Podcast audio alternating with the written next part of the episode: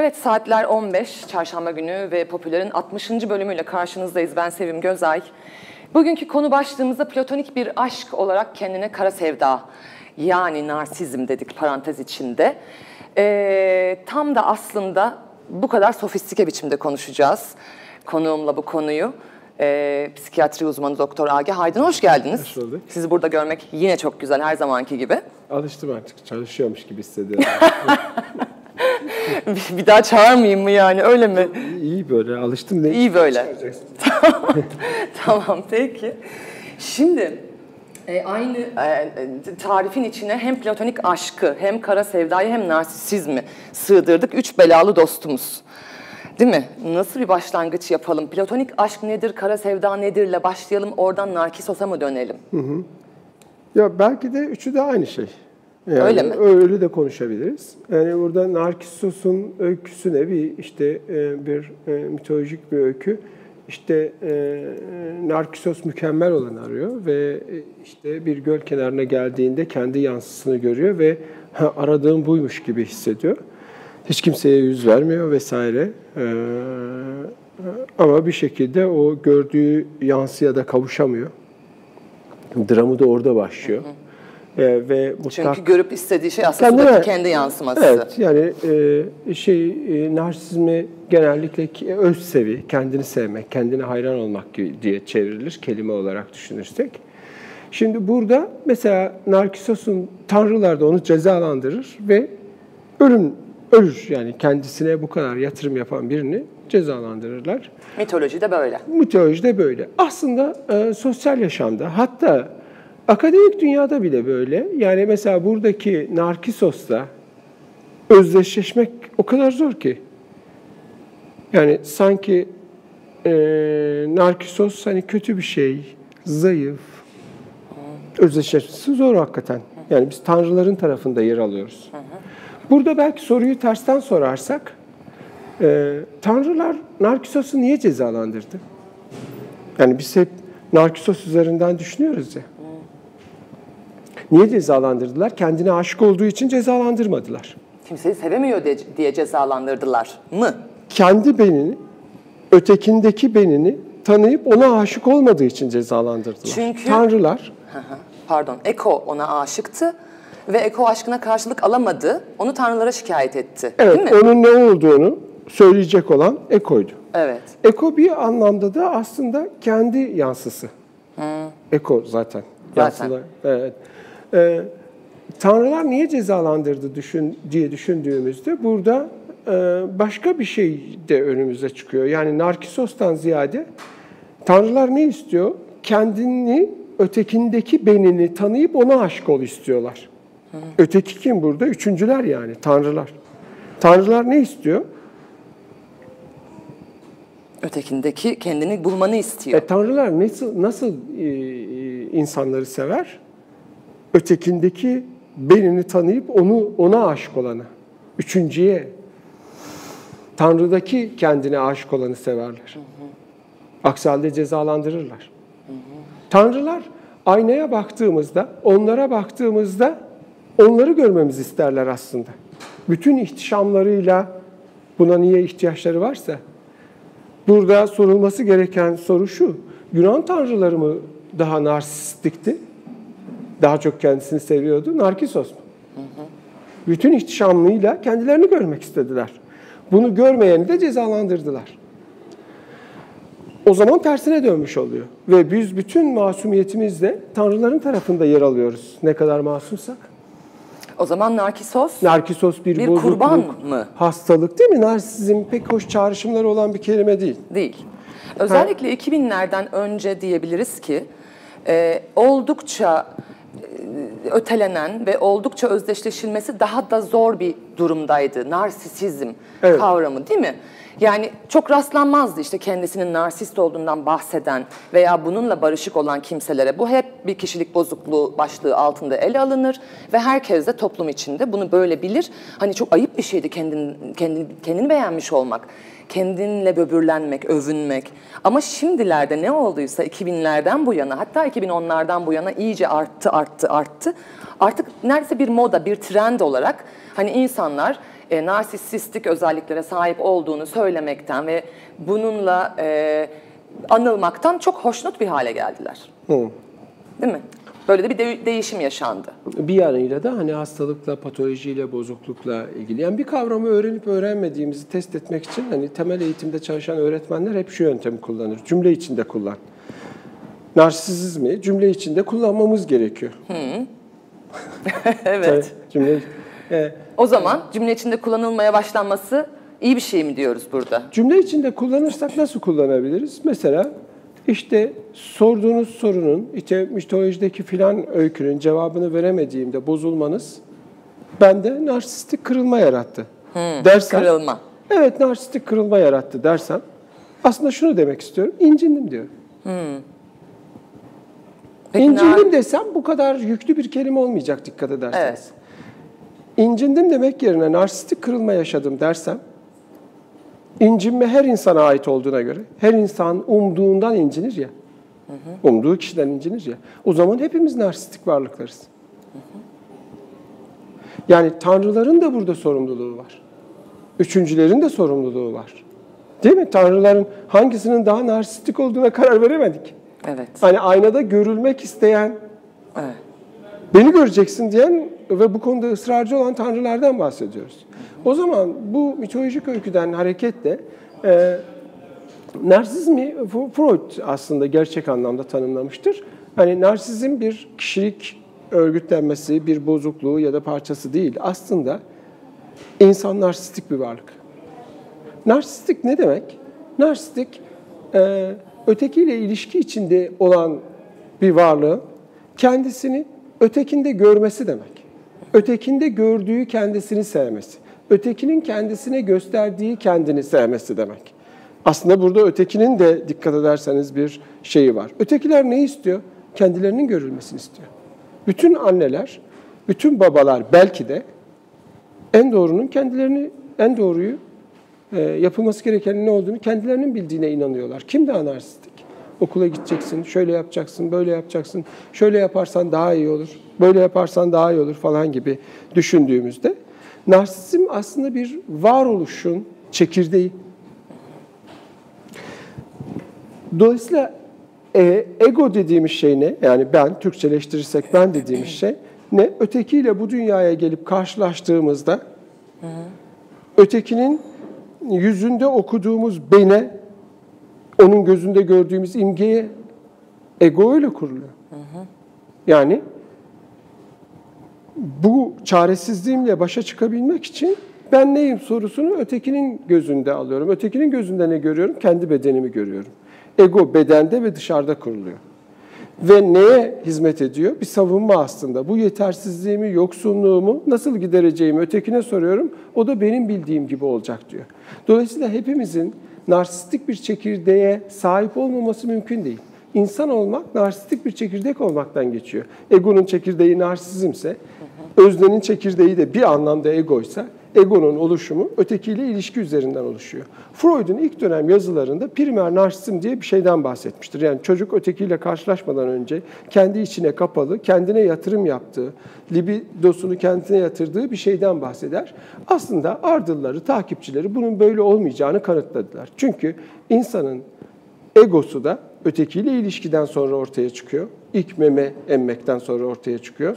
Ego ortaya çıkmadan yani öteki ort belirmeden ego, ego belirmeden narsizmden bahsedemeyeceğimize göre primer narsizm diye bir şeyden bahsedemeyiz. Yanılmıştı. Sonra Freud kaç kaç yaş aralığı için söylüyordu bunu? Primer narsisizmi. E, Doğar, doğduktan hemen sonra. Doğduktan hemen sonra olduğunu Ama söylüyor. böyle bir şeyin olmadığını sonraki bebek gözlemleri vesaire bunu gösterdi. Yani primer narsizmden bahsedemeyiz. İlişkiyle ortaya çıkan bir şey. Aslında bebeğin narsizmi egonun gelişimiyle paralel. Yani ego neyle gelişiyor? Ego ötekine bakıp pozisyon almayı gerektiriyor. Yani biz doğduğumuz gün, burada Marx'a atıf yapalım. Marx diyor ki, biz doğduğumuz gün elimizde aynayla o aynaya bakıp bu benim, ben benim diyen bir varlık olmadığımıza göre, aynayla doğmadığımıza göre ana karnında yani bir tane sevim olmalı yani. Dursun'un temeli olmalı ki temelinde Dursun'un o benden ne bekliyor üzerine kurulacak. Yani aslında artık ilişkiye girdim. İlişkiye girdiğim için başka insanlarla temas ettim. Başka insanlarla temas ettiğime göre burada neye getiriyor? Yani psikanalizle Marksizmi burada birleştirebiliriz. Neye getiriyor? Toplumla birleştiriyor. İnsan ancak toplum içinde var olabilir. Yani ötekiler yoksa var olamıyoruz. Dursun yoksa temelin olma olanağı yok. O zaman insan başka bir insandır. İnsan başka insanlardır diyebiliriz. Yani ben dediğim şey aslında diğer insanların parçalarından oluşan bir şeyden bahsediyoruz. Dolayısıyla tanrılar dediğimiz şey, anne babalar, bakım verenler, onların tutumları, narsistik bir tanrı, Yunan tanrıları, e, narsistik bir çocuk ortaya çıkaracak. Narsizm nedir? nedir? Yetersizliğini kapatmak için girişilen çaba. Ego bir savunmadır bu anlamda. Ego özneden bahsedemeyiz. Öznenin tamamı değil. Çünkü orada bilinç dışı, beden, bütünlük ama yapının içinde ego da var. O zaman egonun için ego ne bir savunma, neye karşı bir savunma? Bu dünyadaki çaresizliğime, yetersizliğime, parçalanmışlığıma karşı geliştirdiğim beden üzerinden imgesel olan, ötekinin gözüne çarpıp geri gelen şeyle kurduğum şey. Yani karşımdaki narsistikse, örneğin yaptığım her şeyi aşağılayan, sen dur, sen beceremezsin, salağın tekisin duygusunu yaşatan bir anne, Yunan tanrısı, e ben de narsistik bir zedelenme yaratacak. Bu incinmeyi kapatabilmek için insan oldum zaten. İnsanlaşmak demek eksiklerimi, utançlarımı, incinmelerimi kapatmak için giriştiğim şeye diyoruz. Ego böyle oluşuyor. O zaman hepimiz narsistiyiz. Hepimiz narsisistiyiz. Evet, hepimizin öznenin e, göbeğinde duran egonun çekirdeği, ego narsistik bir yapıdır. Narsistikse hepimizde narsistik bir çekirdek var. Yani kendisini dünyadan ayıran bir varlığın, mesela ağaçla toprak arasında ayrım yapan biziz. Birine ağaç, birine toprak diyoruz. Oysa onlar ayrı şeyler değillerdir. Ağaç ve toprak birbirinin devamıdır. Biz ayırdık. Peki. Ağaç mesela bir narsistik kırılma falan yaşamaz ölüyorum diye. Muhakkak. Toprak olur, sonra tekrar ağaç Evet. olur. Doğada kendisini ağaçtan, topraktan, kendisinin bir azot kaynağı olduğundan, karbon kaynağından bir haber olan tek varlık insandır. Sen istediğini düşün, kendine istediğin ismi ver. Sonuçta sen doğanın bir parçasısın. Bir isim verdiğimiz her şey artık vardır. Felsefecilerin iddiası bu. Ama önemli bir iddia. Bir, bir şey dedikten sonra kendimize artık onun içini doldurmaya çalışıyoruz. Yani bir boşluk yaratıyoruz isim verdiğimizde. Ad koyduğumuzda, kelime kullandığımızda aslında ben dediğim şey de öyle bir şey. Ben derken agah dediğim an içini dolduramayacağım bir boşluk var orada dikkat ederseniz. Bütün yapım ettiklerimle, narsistik savunmalar dediğimde bu. Onu doldurmaya çalışıyorum. Ee, bu bölüme karar verirken e, Agah Bey'le şuradan yola çıkmıştık. Aslında çağımızda aşkı ve narsisizmi konuşacağımız Tabii, bir bölüm tabii, yapalım tabii. demiştik. Yani biraz işi o tarafa doğru Tabii. döndürelim dilerseniz bu noktada. Ee, gene 2010'dan önce bir program yapıyordum ben. O zaman işte CNN Türk'te yayınlanan ve oldukça takip edilen bir programdı ve işte orada gene şehir yaşam ve kültür konularında ve ilişkiler üzerine e, şu konuyu inceliyorduk bir bölümde. Neden günümüzde ilişkiler eskisi gibi işte sürekliliğini muhafaza edemiyor e, artık? Neden işte giderek süreler kısaldı ve niçin kimse kimseye tahammül edemiyor noktasında yaklaşık şöyle bir sonuç çıkmıştı. Çünkü artık herkes en çok kendini seviyor. Şimdi burada tabii bu, bu yoldan gidebiliriz. Mesela? Bu iyi bir yol. Ama hep kullanılan bir yol. Ama ben şu yoldan gitmeyi öneriyorum. Hayatımızda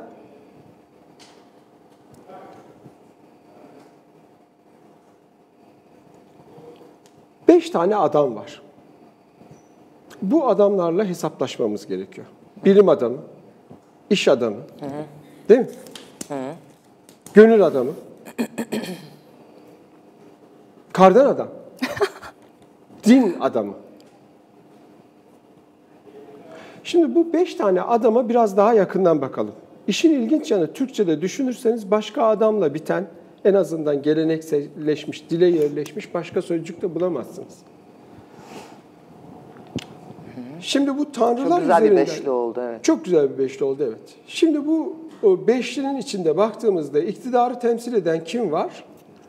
Bu çağdan çağa değişmekle birlikte bazen din adamları oluyor, bazen iş adamları oluyor, bazen ikisi ortak oluyor. Bazen akademi de bunlara karışıyor. Efendinin söylemi yani. Buradan Hegel'e gidebiliriz. Efendinin söylemiyle akademinin söylemi ya akademi ne yapıyor? Akademi aslında efendiden rol çalıyor. Çocuk doğuyor, ona bilgiler vererek kendisinden vazgeçip topluma faydalı bir insan olmasını istiyor.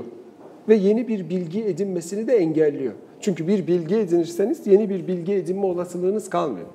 Akademi de aslında efendiyi taklit ediyor, onunla işbirliği yapıyor. Şimdi bu adam, adam, adam, adam diye giden şeye biraz daha yakından bakalım. Şimdi iş adamı diyoruz da ayakkabıcıya ayakkabı adamı demiyoruz. Bu nasıl bir çelişki? Değil mi? Bilim adamı diyoruz. Bilim adamı niye? Bilimci diyelim. Mesela Profesör Doktor Selçuk Candan Sayar, meslektaşım akademisyen, ya buna bilimci dememiz gerekiyor diye bir öneride bulunmuştu bir, bir iki yıl önce. Şimdi burada niye diyor? Dikkat ederseniz iktidarı nasıl belirliyoruz? O adam sözcüğüyle belirliyoruz. Hiçbir işte bu yoktur mesela. Sporcuya sporcu diyoruz. Bazı sporcular buna özenip spor adamı gibi taklitlere falan karşı iktidar rol kapmaya çalışıyorlar. Sporda gerçekten kitleleri yönlendirme açısından bayağı güç edindi ya hakikaten adam sözcüğünü hak ediyor. Sonra bazı entelektüeller, bazı meslektaşlarımız bunu erkek gibi algıladılar, cinsiyet gibi algıladılar. Dediler ki ya biz bunlara iş adamı değil, iş insanı diyelim. Yani kadınları da katalım. Bu iktidarı daha da güçlendiren bir şey oldu. Öyle mi? Tanrısallık veren bir şey oldu. İş insanı dediğin zaman hani böyle diğer insanlardan farklı bir şeyden bahsediyormuşuz gibi. Ayakkabıcı, şucu, bucu diyoruz. Bunlara adam diyoruz. Sonra da durumu yumuşatmak için bazı güç sahibi kadınları da buraya katmak için İnsana iş çeviriyoruz. insanı diyoruz, bilim insanı diyoruz. İktidar tam da buraya gizleniyor işte. Niye adamdan daha kötü oluyor buradaki gizlenen iktidar? Çünkü iktidarı daha da gizlemiş oluyoruz. Ha. Bizim üstümüzde tahakküm kuran Yunan tanrılarını Öbür türlü hedef açık hiç değilse. yeni maske mi? getirmiş oluyoruz. Yeni maske. Bilimci dememiz gerekiyor. İşletmeci dememiz gerekiyor. Din görevlisi dememiz gerekiyor. İşe ne diyeceğiz? Bakın İşçi mi? dikkat ederseniz dil ne kadar tehlikeli. Bir şeye isim verdiğimizde aslında işlevini de belirlemiş oluyoruz. Gönül adamı kim? Bu, bu sıralama yani şu beşliğe bakarsak sanatçı herhalde. Biz. Biz miyiz? Sıradan insanlar. Öyle mi? Gönül insanları. Yani bilimciler, bilim adamı olduğunu iddia edenler değil de bilimciler, ayakkabıcılar, televizyoncular filan. Biz. Gönül insanı sözcüğünü belki bu biz hak ediyoruz. Kardan adam ne? Bizim yaptığımız şey. Ben de varım. Ama bu iktidarı temsil edenler, Yunan tanrıları güneşi parlattıklarında bütün kazancımız eriyip gidiyor. Dikkat Ben- ederseniz yetersizlik Bence televizyonculuğu şu kardan adama kesin eklememiz lazım. Değil mi? Gönül adamı değil, kardan adam. Biz Şimdi kardan Yunan adam. tanrılarına dikkate aldığımızda güneş onların kontrolünde olduğuna göre bütün kazancımız bir yıl içinde eriyip gidiyor. Her şeyi onlar belirliyor. Ben kesin kardan adam tarafındayım. İktidar nasıl belirlendi dikkat ederseniz? Bilim insanı, iş insanı, Din, din adamı. din insanı filan demenin ne kadar tehlikeli olduğunu görüyoruz. Kelimeler çok önemli. Kelimelerin altında eziliyoruz ve kendi üstümüzde iktidar kurmaya başlıyoruz. Umarım bundan sonra Selçuk Hoca'nın önerisiyle bi- bilim insanlarına bilimci, iş adamlarına işletmeci denir. Neyi değiştirecek bu? Şimdi bir insan niye narsistik olur? Bir çocuk niye narsistik olur? Yapıyorsun, ediyorsun, görmüyor bu anne. Evet. Bir türlü takdir alamıyorsun. Yok sayıyor. Çocuğun buna ihtiyacı var ya. Ben neyimi görmeye çalışıyor çocuk.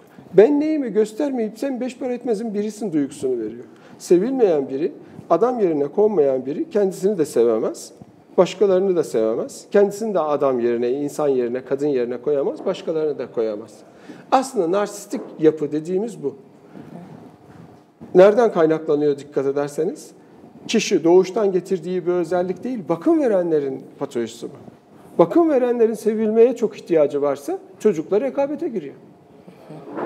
Değil mi? O yüzden o soru çok önemli. Tanrılar neden cezalandırdı Narkissos'u? Onlar daha narsist. Evet, kendilerini sevilmelerini istiyorlar. İşte burada özdeşleşmeden bahsediyoruz. İnsan bu dünyaya geliyor, o bakım verenle özdeşleşmeye çalışıyor. Bu özdeşleşme süreci basit bir taklitten öte bir şeydir. Asimilasyon da vardır bunda. Zorluyor zaten. Cezalandırıyorlar dikkat ederseniz. Bu asimilasyonun ne şekilde olduğu, çocuğun nasıl aynalandığı, narsistik çekirdeğin de büyüklüğünü, hacmini belirliyor. Eğer çok büyük olursa tabii ki hayatı zorlaştırıyor. Çünkü narsistik çekirdek ya da narsistik patoloji en uç kısmına götürelim. Sanıldığı gibi kendini sevme, kendini acayip beğenme falan değil. Beğenme ihtiyacı, sevme ihtiyacı gibi tercüme edebiliriz. Yetersizlik duygusu vardır ardında. Yetersizliğini kapatmak için kendisini görme istiyor. Kendisini nerede görecek? primer bir narsizm olmadığına göre yani doğuştan ötekiyle ilişkisini de görecek. Ötekiyle bütünleşme adına ötekini yok etmek üzere gelişecek. gelişecek. Bu da nasıl olabilir? Ötekini nasıl yok edebilirsiniz? Ya bilginizle, becerinizle, kapasitenizle onu ezerek ya da ona salak diyerek, küçümseyerek, değersizleştirerek ötekini yok edebilirsiniz. Aşk neydi? Aşk kendi eksikliğini ötekinde bütünlemekti. Şimdi buradan baktığımızda narsistik patoloji yani sürekli yetersizlik duygusuyla mayalanmış, öyle örselenmiş bir çocuk ötekini sevemeyecek. Kendisini de sevemeyecek aslında. Çünkü kendini sevmenin yolu ötekinden geçiyorsa aslında Narkissos'un dramı neydi? O suya baktığında görüyor ama onu bunu yansılayacak bir eko yok. Evet. Bir anne yok. Peşine koştukça yalnız kalıyor. Boğuluyor suyun içinde. Şimdi burada mesela biraz daha somutlaştırayım ben. e, Biraz daha şeye gittim. C oyununu düşünebiliriz. C oyun. Ya bizim bütün hesaplaşmamız o ilk karşılaştığımız ötekiyle girdiğimiz çatışmadır. Ötekinin bize ne olduğumuzu aynalamasıyla ilgili duruma göre de pozisyon alıyoruz. Yani bütün derdimiz öteki. Ya onu kötüleyeceğiz. İlk ya onun karşılaştığımız beğenisini- öteki. Evet, bakım veren diyelim. Anne diyelim. Evet. Kişilikleri nasıl şey yapabiliriz? Normal kişilikten bahsediyorum. Çekirdek neydi? Narsistik. Hepimiz narsistik. Evet. Evet. Bu narsistik şeyin eğer hani belli ölçülerdeyse çünkü her anne, her baba ne kadar isterse istesin bir eksiklik bırakacak çocukta. Yani çocuk bir şeyi yapamadığını anlayacak, sınırlılığını görecek. Dolayısıyla bir narsistik çekirdek olacak. Hani tırnak içinde normal insan dediğimiz kişinin öteki karşısında pozisyonu nedir? Ya ona kendisini beğendirmeye çalışacak. Annem beni terk eder diye korkacak. İsterik bir özne olacak. Ya obsesif bir özne olacak. Annem içime girecek. Her şeyi e, ya müdahale edecek, içimi karıştıracak, mesafe koyacak. Ya da işte narsistik patolojilerde olduğu gibi sürekli ötekinin aynasına ihtiyaç duyacak. Ötekileri ne için ihtiyaç duyuyor? Beğenilmek için, sevilmek için, onaylanmak için. En ufak bir boşluğa katlanamayacak çünkü bu ölüm demek. O yüzden narsistik patoloji eğer çok uçtaysa, yani çocuk çok fazla şişirilmişse, prens gibi davranılmışsa herkesten bunu bekleyecek, bulamayacaklarını, bulamadıklarını harcayacak. Ya da çocuk çok fazla sen salaksın duygusunu yaşatılmışsa, yani bunu benlik saygısını geliştirip bütünlenmemişse, Evet.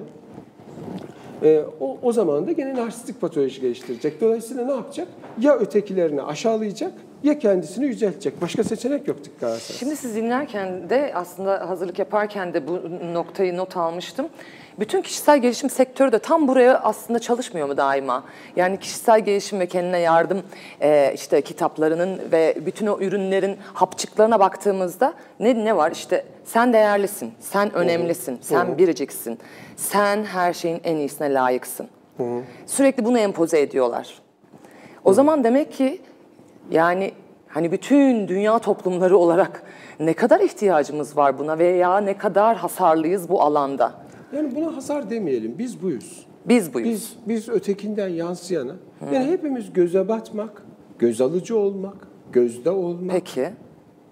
ötekinin gördüğü şey olmak. Tamam. Bunu çok mahcup olarak ya da çok küstahlıkla Aha. ötekinin onayını, arzusunu kazanabilirsin. Evet. Buna muhtacız. Bunu arzularız. Bunun peşindeyiz. Ve bu bizi yaratıcı hale getiriyor. Ama bu çok sakatlanmışsa artık ne yaptığımızın ötesine geçiyor bu. Yani birinci önceliğimiz ötekinin onayı, beğenisi ve en iyi olma duygusu oluyor. Dolayısıyla narsistik patolojisi çok derinse sevemez. Öteki insanları sadece bunu doyurmak için kullanır, sömürücüdür, öldürür yani. Hı hı. Ve ne yapıyor? Sıradakine geçiyor. Diğer, diğer, diğer, diğer. Hatta bazen 30 tane birden tutuyor. Ha. 30 tane sevgili tutuyor. Yüzeysel ilişkilerle zaten derin ilişki kuramaz. Evet. Olur da biri onaylamazsa ötekiyle emniyet sübabı oluşturacak. Çok büyük bir dram aslında bu. Ama dikkat ederseniz burada narsistik patoloji tek başına oluşan bir şey değil. Ebeveynlerin sorumluluğu var, kültürün Kesinlikle. sorumluluğu var, toplumun sorumluluğu var. Şimdi günümüz toplumundaki insanları suçluyoruz ama şöyle düşünün. Şimdi bu prens olma, görülme, öteki tarafından tanınma, Instagram'ı düşünün. 3 ay yaz boyunca, o da 3 ay değil, birçok şirkette 15 gün maksimum yöneticiyseniz 20 gündür. 20 gün bir star gibi Instagram'da yaşıyorsunuz. 11 ay, 10 gün bir plazada mahpus hayatı yaşıyorsunuz. Köle gibi çalışıyorsun. Evet, kardan, kardan adamınızı eritiyorlar. Yetersizlik duygusu. Hız o kadar artmış ki bu hıza yetişebilmek için yani kendini görebilmek için sürekli bir şey yapman gerekiyor. Ama burada derinlik ve incelik yok. Mesela geçmişin sanatçısıyla bugünün reklamcısını karşılaştırırsak dramı görürüz. Geçmişin sanatçısı varoluşsal sorular sorardı. Derinlikli sorular sorardı. Şaşırtırdı, korkuturdu. Bugünün reklamcısı ile geçmişin sanatçısı eş düzeydedir. Çünkü orada da bir rol geçişliği var. Geçmişte yaşasaydık bugün sanatçı olacak pek çok kişi reklamcı oldu. Bugün sanatçı zannettiğimiz pek çok kişi aslında reklamcı. Ha, güzel. Yani derinliği olmayan, tedirgin etmeyen ama yenilikçi. Yaratmak ne demek? Toplumun alışkanlıklarına göre yeni bir şey ortaya koymak demek. Yeni bir şey ortaya koymak yaratıcılık olarak algılanıyor. Ama bu geçmişteki gibi bir yaratıcılık değil. Endüstriyel ürünler ortaya koymak. Ne özellikleri nedir bunun? Derinliği olmayacak, çok fazla korkutmayacak, şaşırtacak, fazla düşündürmeyecek ve geçici olacak. Hızımız arttı. Bu hız bizim kendimizi aynalayabilmek için sürekli tüketmemizi ve hızlanmamıza neden oluyor. Bağımlı olmamıza neden oluyor. Akla şu gelmesin. Hani işte alkol, esrar filan bağımlılığı değil. Onların çok ötesinde bir bağımlılıktan bahsediyorum. Sürekli kendimizi ötekinde görebilmek için şu oyunu görmek, şu konsere gitmek, şu kazaktan giyinmek, filan mekanları ziyaret etmek kaçırmamamız gerekiyor. Tüketim orada. Bağımlılığımız buna dönüştü. Yani bunların hepsini kovalamak zorundayız. Öyle muhteşem bir şey ki görmen lazım. Öyle ölmeden önce e, görmeniz gereken 100 yer. Ölmeden önce okumanız gereken 100 kitap. Liste ya biz çılgınlığı. yarış atı mıyız? Öldürdünüz bizi. koşa evet. koşa bıktık gibi. Bağımlılığımız neye oldu? Aslına rücu etti. Bağımlılık neydi? Biz telefona değil, telefonu bizi bağlayan ötekilerine bağımlıyız ya. Hı hı. Bu ötekileri nerede bulacağız? Burada. Şimdi o zaman da beden buna isyan ediyor, depresyona giriyoruz. Yalnız buradaki depresyon hastalık değil. Modern zamanların insanların bu söylediğim bağlamda hastalığı yani depresyonu hastalık değil. Savunma mekanizması bu. İyileşme girişimi bedenin. Hızını yavaşlatmak için depresyona giriyor beden. Nasıl gösteriyor Hızı kendini düşürüyor. bu depresyon? Hızı düşürüyor. Düşürüyor. Hızı düşürüyor. Hızlı gittin diyor. Böyle olmaz diyor. Sen kendini, evet narsistik bir varlıksın ama bu narsizm ancak ötekinden sana yansırsa kendini seversin. Yani ötekindeki kendini görürsen kendini seversin. Sen ötekinde kendini tanıyıp insanlaşan bir varlıksın. Dolayısıyla kendini sevmen için önce ötekini sevmen lazım. Ötekini çıkarıp yerine yüzeysel ve o anında doyum yaşatan, hızlı doyum yaşatan nesneleri koyarsan ben buna dayanamam diyor, depresyona sokuyor. Ki İyileşme şu an girişimi yani. hepimizin aslında yaşadığı İyileşme şey. girişimi. Ya yani böyle bir, bir ağırlık var üstümde. Şey yapamıyor. İsyan, yani hmm. mahvetmişsin bedeni. yani burada şunu söylemeye çalışıyorum. Na, e, narsistik patoloji diye bir şey vardır. Evet. Uçlaştığında yaşamı, hayatı sürdürmeyi, ilişkileri mümkün kılmaz. Çünkü bu kadar sömürücü bir karakter ötekilerini sadece kendisine hayranlık devşirmek için kullanan bir varlık. Bunu iki şekilde yapabilir. Böbürlenerek, büyüklenmeci bir tutumla ya da küçümseyerek. Küçümseyerek. Ya da daha farklı incelikli yöntemleri vardır. Yani Sevim Hanım çok ünlü bir insan. İşte şöhreti var, karizması var. Bir sürü insan tanıyor. Biz Sevim Hanım'la kankayız ya. Yani bir telefonuma bakar yani. Sen televizyona mı çıkmak istiyorsun? Söyle bana. Ararım ben. Yani çıkarır seni. Ama medyaskopta ama başka bir yerde. Ne diyorum? Ortaklaştık. Sizin de Bu- bu örnekleriniz. Tabii. Nasıl nasıl bir ebeveyn bu? Nasıl bir ebeveyn bu? Geçmişte de böyle ebeveynim var. Buluyorum işte. Heh, ben Nasıl demin bir ebeveyn bu? e, Şöyle bir ebeveyn. Büyüklenmeci, hakikaten itibar sahibi toplumda ama çocuğu bu işe karıştırmıyor. Sen Evet, salaksın. eziyor. Sen anlamazsın diyor. Dolayısıyla çocuk ne yapıyor? E ben salağım diyor. Tam tersi de- Onu kapatabilmek için kendisine şey buluyor, ünlüler buluyor. Tam tersi de burada mi? aynı defo yaratmıyor mu? Yeterince saygınlığı olmadığını fark ettiği ebeveynler, toplum içinde horlanan, toplum içinde aşağılanan ebeveyne sahip olan çocuk da aynı patolojiyi yaşamıyor mu burada? Tabii. Değil C mi? oyununda Bir de o yanı var. Ya, çocuk C oyununda ne yapıyor? C anne geliyor. Ha. Kendimi gördüm.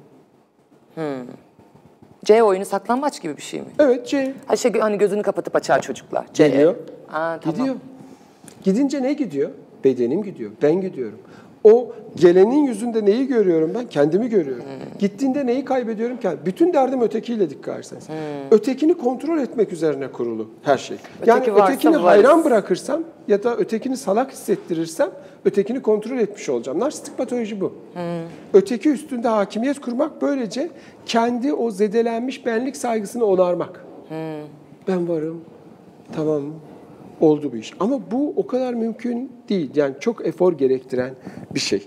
Yani narsistik Başkaları üzerinden süreci- tatmine ulaşmak değil mi? Aynen öyle. Mesela şu anda narsizmi konuşmanın paradoksu şurada. İkimiz ne yapıyoruz? Narsizm o değil budur diyoruz. Bakın diyoruz narsizmi siz yanlış tartışmışsınız. Aslında asıl sormanız gereken soru tanrılar Narkisos'u neden cezalandırdı onu sormuyorsunuz Kim daha diyoruz. narsist? Bu narsistik bir şey dikkat etseniz. Yani narsizmin paradoksu da yani O da nar- narsistik bir şey. Narsistik bir şey oluyor yani. Neden? Çünkü öteki Biraz hamster tekerleği gibi değil mi bu iş? Aynen öyle. Alegori yapmadan narsizmi konuşamazsınız. Çünkü neden? Mitolojiye başvuruyor Freud.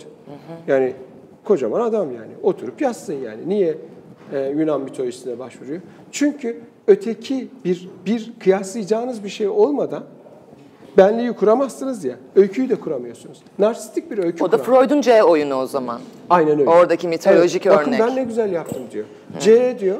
Biz aa bravo sen evet o da onun. Bu da bizim oyunumuz. Yani bizim narsizmimiz, ikimizin narsizmi. O zaman herhangi bir eyleme girişen herkes her şey narsistiktir. Kitap yazıyorsam narsistik bir eylemdir. Kitap yazan herkes narsistik enerjiye dayanır. Narsizm olmadan kitap yazamazsınız. Program yapamazsınız. Filmde şarkıda yapamazsınız herhalde. Televizyoncu olamazsınız, doktor olamazsınız. Ben diyorsun. Ben yaptım diyorsun. Bakın Bir narsizm- fikrini, yargını ve duygunu koyuyorsun ortaya. Aynen öyle. Yani orada nereye hizmet ediyor dikkat ederseniz yaratıcı bir eylem. Şimdi burada birlikte düşünelim. Yazar mı daha kutsaldır? Okur mu? İyi bir yazarla mı arkadaş olmak istersiniz? İyi bir okurla mı? Mesela ben iyi bir okuru tercih ederim. Ben de. Çünkü yazar ne yapıyor? Kendi narsistik patolojisini gidermek için yeni bir öykü kuruyor. Yaratıcı dediğimiz o. Aslında gündelik yaşamdan malzeme topluyor, kendi yaşamından malzeme topluyor ama yeni bir şey koyuyor ortaya. Bak diyor benim başıma gelen şu şeylerin nedeni dışarıdakilerdir diyor. Ben anladım, biliyorum ne kadar akıllıyım. Bunu sen gör ve onayla diyor. Hakikaten de güzel yazıyorlar. Ben de görüp onaylıyorum okur olarak. Ama yazar olarak ne yapıyorum? Talep ediyorum. Okur ne yapıyor? Okur olmak zordur. İyi bir okur, iyi bir dinleyici olmak çok zordur. Mesela şu anda sizin pozisyonunuz bana göre daha zor. Neden? Sizin de bildikleriniz var, benim de bildiklerim var. Dinlemek ve okumak kendi benlik tasarımınızı bükmenize neden olur. Bükmeye tahammül etmenize varsa yani bu mümkünse kişiliğinizde dinleyebilirsiniz. Ya biri size anlattıklarıyla, söyledikleriyle sizi bükmeye kalkacak. Siz de doğru bulursanız bildiklerinizden ve fantazinizden, özdeşimlerinizden ben şuyum, ben sevimim dediğiniz şeyden vazgeçeceksiniz. Ne kadar zor bir şey dikkat ederseniz. Ve çok ne teşekkür kadar ederim kutsal tabii. bir şey okur olmak. E, dinleyici ve okur olma tarifini E, bu şekilde kayıtlara geçirdiğiniz için de ayrıca teşekkür ederim. Üzerine bu kadar konuşulduğunu daha önce zannetmiyorum çünkü bu pozisyon üzerine. E, çünkü çok önemli bir şey. Narsizmle de ilgili olabilir. Ben Evet. kitap yazmadım çünkü. Evet. Şimdi kitap yazmamanın iki nedeni olabilir. Bir, kitap yazacak kadar narsistik bir şeyiniz, patolojiniz yoktur. Yani Göte'ye şöyle diyor Freud.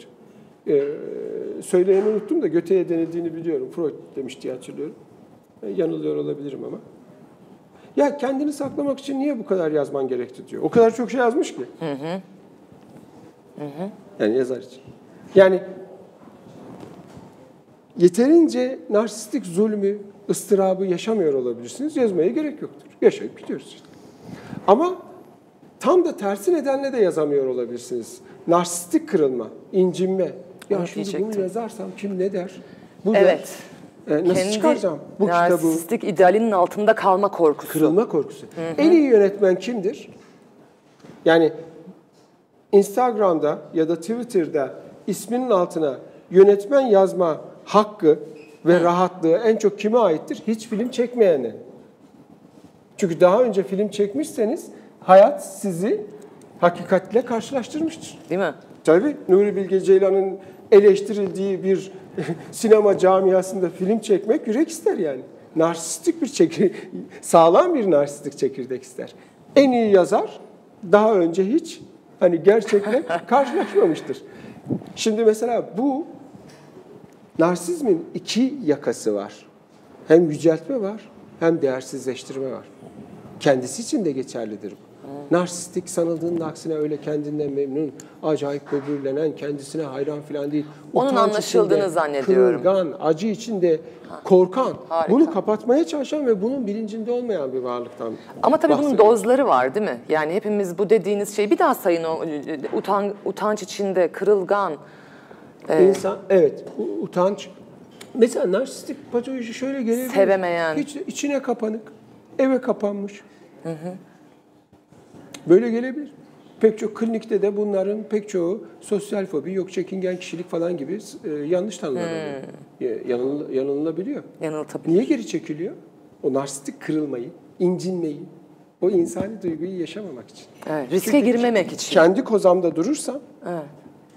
Şimdi dikkat ederseniz narsistik patoloji şiddetlendikçe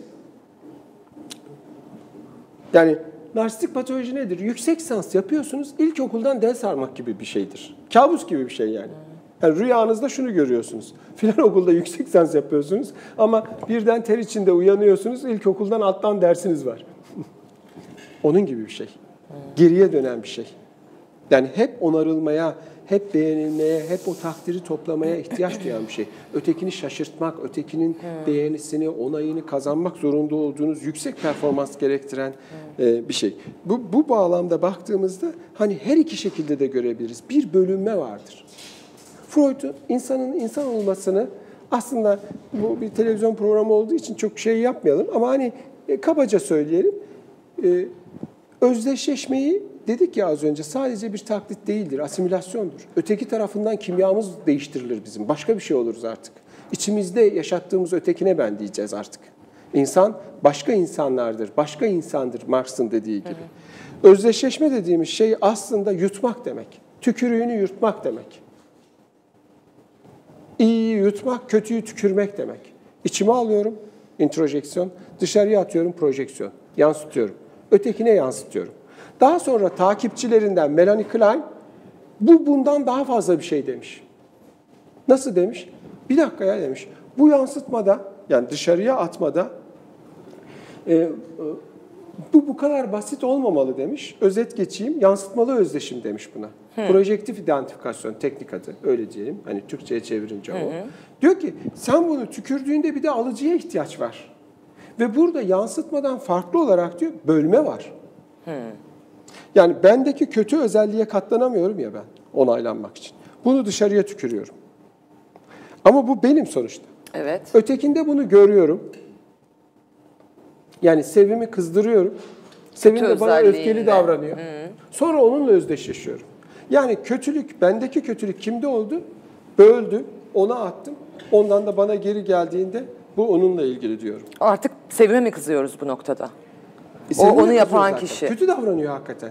Gerçekten benim yansıttığımı bana Tamam. geri vererek ve ben de onunla özdeşleşiyorum. Evet. Yansıttı, ötekinden gelenle özdeşleşiyorum. Tamam. Empatinin kökeni de buraya dayanır. Tamam. Bakın bu patolojik savunmaya dayanıyor. Peki. Yani narsizm neymiş onu söylemeye çalışıyorum. Psikodinamik anlamda bölmeyi kullanır, yansıtmalı özdeşimi kullanır vesaire gibi gidebiliriz. A- Ama e, gündelik yaşama biraz daha tercüme edersek kişi kendi yetersizliği, değersizliği, ötekinin gözlerindeki hayra çarpıp geri dönün, dönerken gerçeğin düzensizliği ve bir türlü imlaya gelmeyen yanının dramıdır narsizm.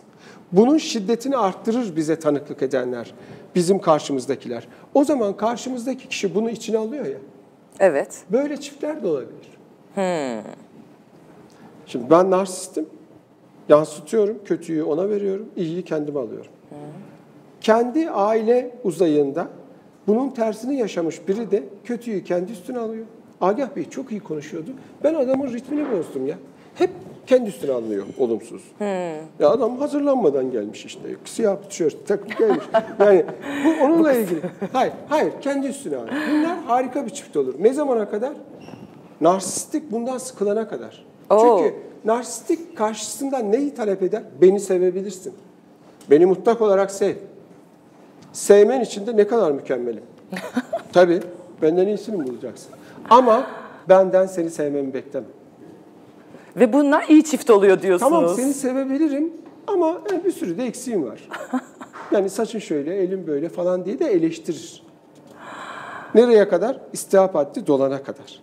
Yani sevemez, sevildiğinde de kıymetini bilemez. Yedek ötekiler yaratmak zorundadır. Riske giremez çünkü. Ölümcül bir şey bu. Yani aslında olumlu bir şey. Dikkat ederseniz yansıtmalı özdeşim empatinin de kökeninde. Ötekinin ne hissettiğini nasıl Evet. anlayacağım? Ben de olan ona yansıtacağım, ondan bana. Ama aynı zamanda patolojinin de kökeninde bu var. Evet. Daha sonra Kohut gelmiş. Melanie Klein'dan sonra yeni bir kuramcı gelmiş. Demiş ki bu insanların narsistik patolojisi ağır olan insanların temel sorunu aynalanma problemidir demiş. Bu arada ayna kavramı Lacan'a aittir. Kohut'tan önce telaffuz etmiştir, yazmıştır ama Kohut'un Lacan'a atfı yoktur. Bu da Aa, onun narsizmiyle Bu da tarihin olan- ayıbı olsun. Evet öyle diyelim. Yani neyse önemli bir şey. Evet, o da Ama onun narsisizmi Kohut önemli bir şey yapmış ama Evet. daha önce tedavi edilemediğini, yardım edemeyeceğini zannettiğimiz bir hasta grubu ile ilgili önemli bir psikoterapi yöntemi geliştirmiştir. Demiştir ki bu kişinin bütün şeyi ebeveyniyle ilgili olduğuna göre terapiste de bunu yansıtacaktır. Yalnız bu grubun terapisinden bahsediyorum. Bütün hastalara aynı şekilde aynı da- davranmıyor. Narsistik Narsistik patoloji. Evet. Bunu aynalarsak demiştir. Hani çocuk geliyor, anlatıyor. İyileşiyor. Şunu yaptım, bunu yaptım. Aferin oğlum. Yani salak durumuna düşüyor. Onu yapamazsın ya. Sen geri zekalısın. Ben olsam şöyle yapardım diye rekabete giren bir ebeveyn değil. Bu hastalığı, bu patolojiyi, bu zedelenmeyi onda yaratan biri gibi değil. O açığı kapatan biri gibi olmak. Ya da terapistin rolü. rolü, Evet. aynalayan onu. Evet. Böyle yapmışsınız. Şöyle hissediyorsunuz. Böylece hani toparlar, iyileşir. Ya da terapistin rolü diğer bir sorun olabilir. Ne yap, narsistik ne yapıyordu? Ya kendisini öne çıkarıyordu ya da başrol oynayan biriyle özdeşleşiyordu. Ha, evet. Biz diye konuşurlar. Mesela biz diye konuşmak çok dramatiktir. Ha. Neye biz konuşuyorsunuz? Yani ben yaptım desene. Biz diyor. Bir şeyin arkasına saklanıyor. Ben o soruyu Bizler. şöyle soracaktım size. Daha önceki bir narsisizm konuşmanızda siz mesela şöyle bir örnek vermiştiniz. Ee, işte programcıyla sensiz muhabbeti olmuşken tam bakın narsist e, şey demez, sen demez, sene geçmez. Çünkü siz der mesafeyi korumak ister demiştiniz. tabii. Ama bizim toplumdaysa insanlar kendilerinden biz diye bahsediyorlar. Karşı tarafa da bir an önce sen demek istiyorlar. Evet.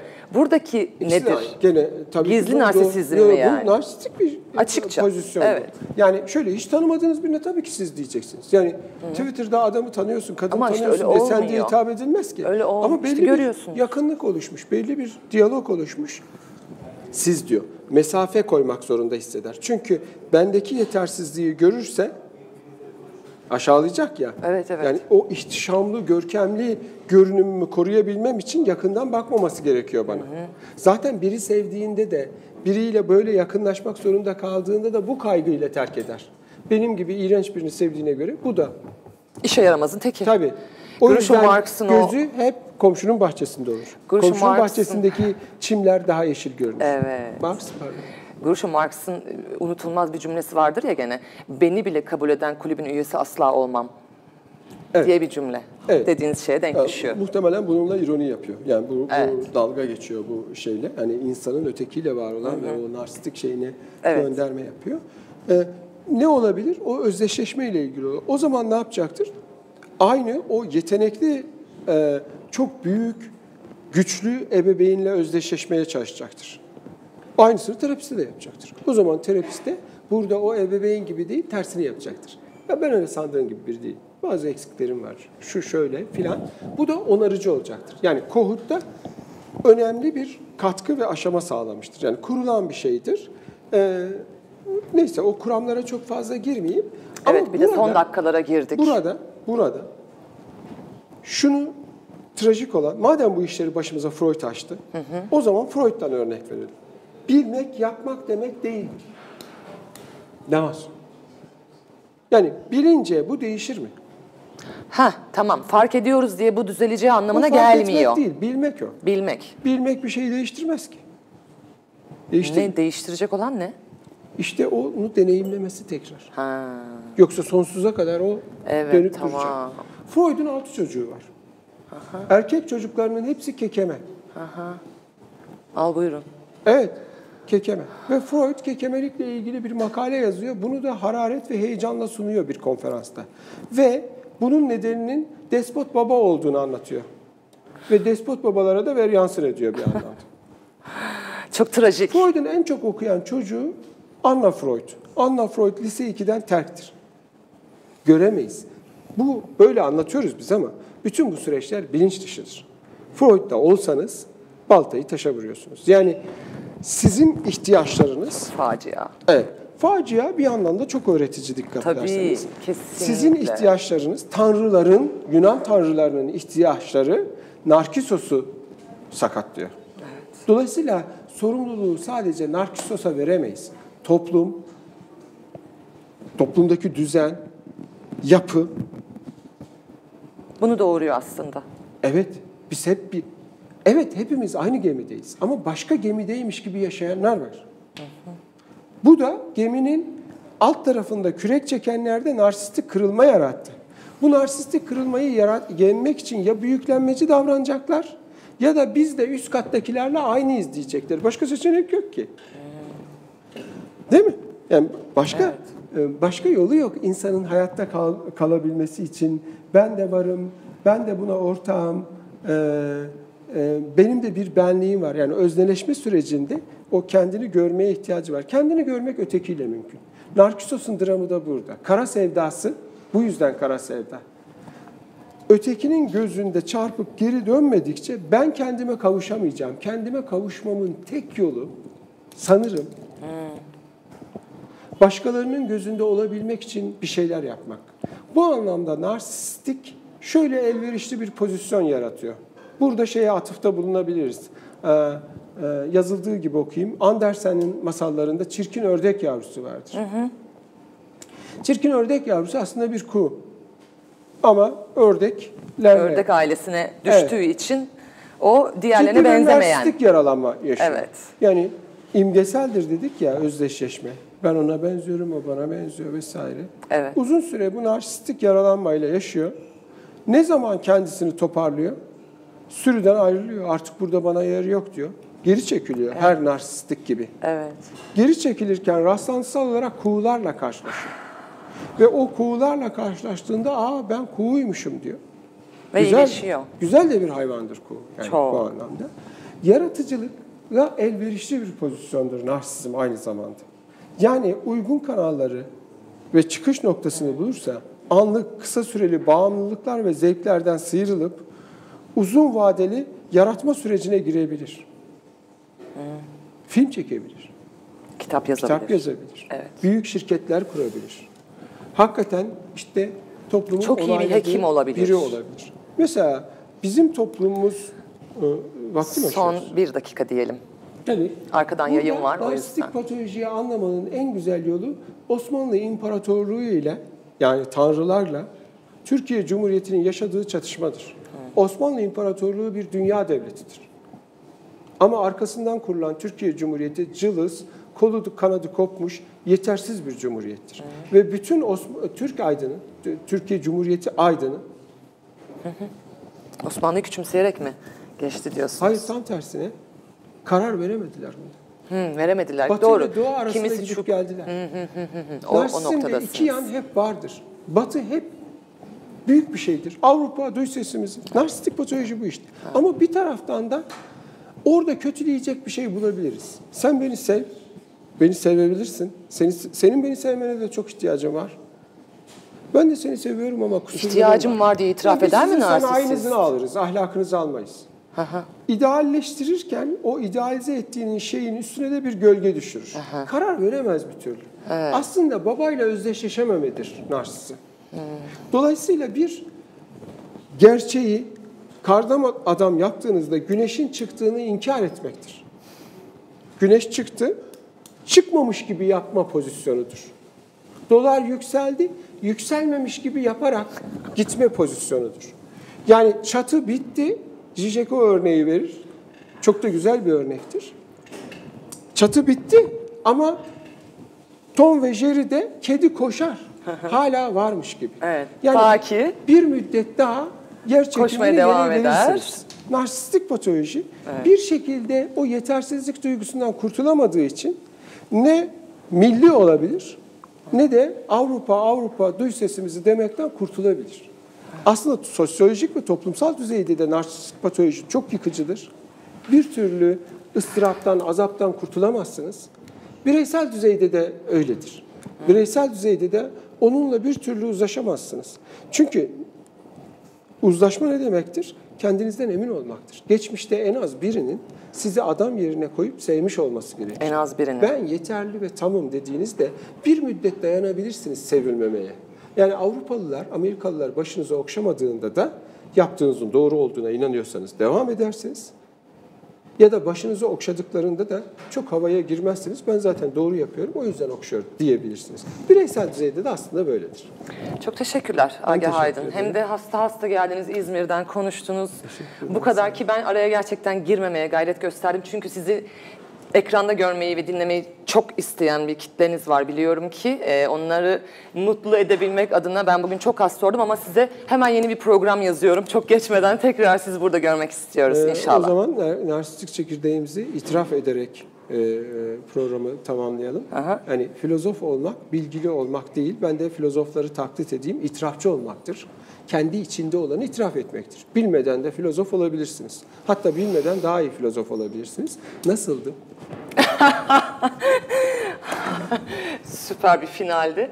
Ya programın isminin umarım ki hakkını verebilmişizdir. Platonik bir aşk olarak kendine kara sevda. Bence nasıldım sorusuyla bitmesi hakkını En gerçek verdiğimizi kara gösteriyor. sevda. İmkansız olan. Gerçek kara sevda. Gerçek kara sevda, narsisizm. Evet. Çok teşekkürler. Teşekkür ederim. Ee, izlediğiniz için de sizlere çok teşekkürler. Önümüzdeki hafta e, yayınlar yok. Bayram, herkese iyi bayramlar, iyi tatiller şimdiden. Bir sonraki çarşamba görüşmek üzere. Hoşçakalın.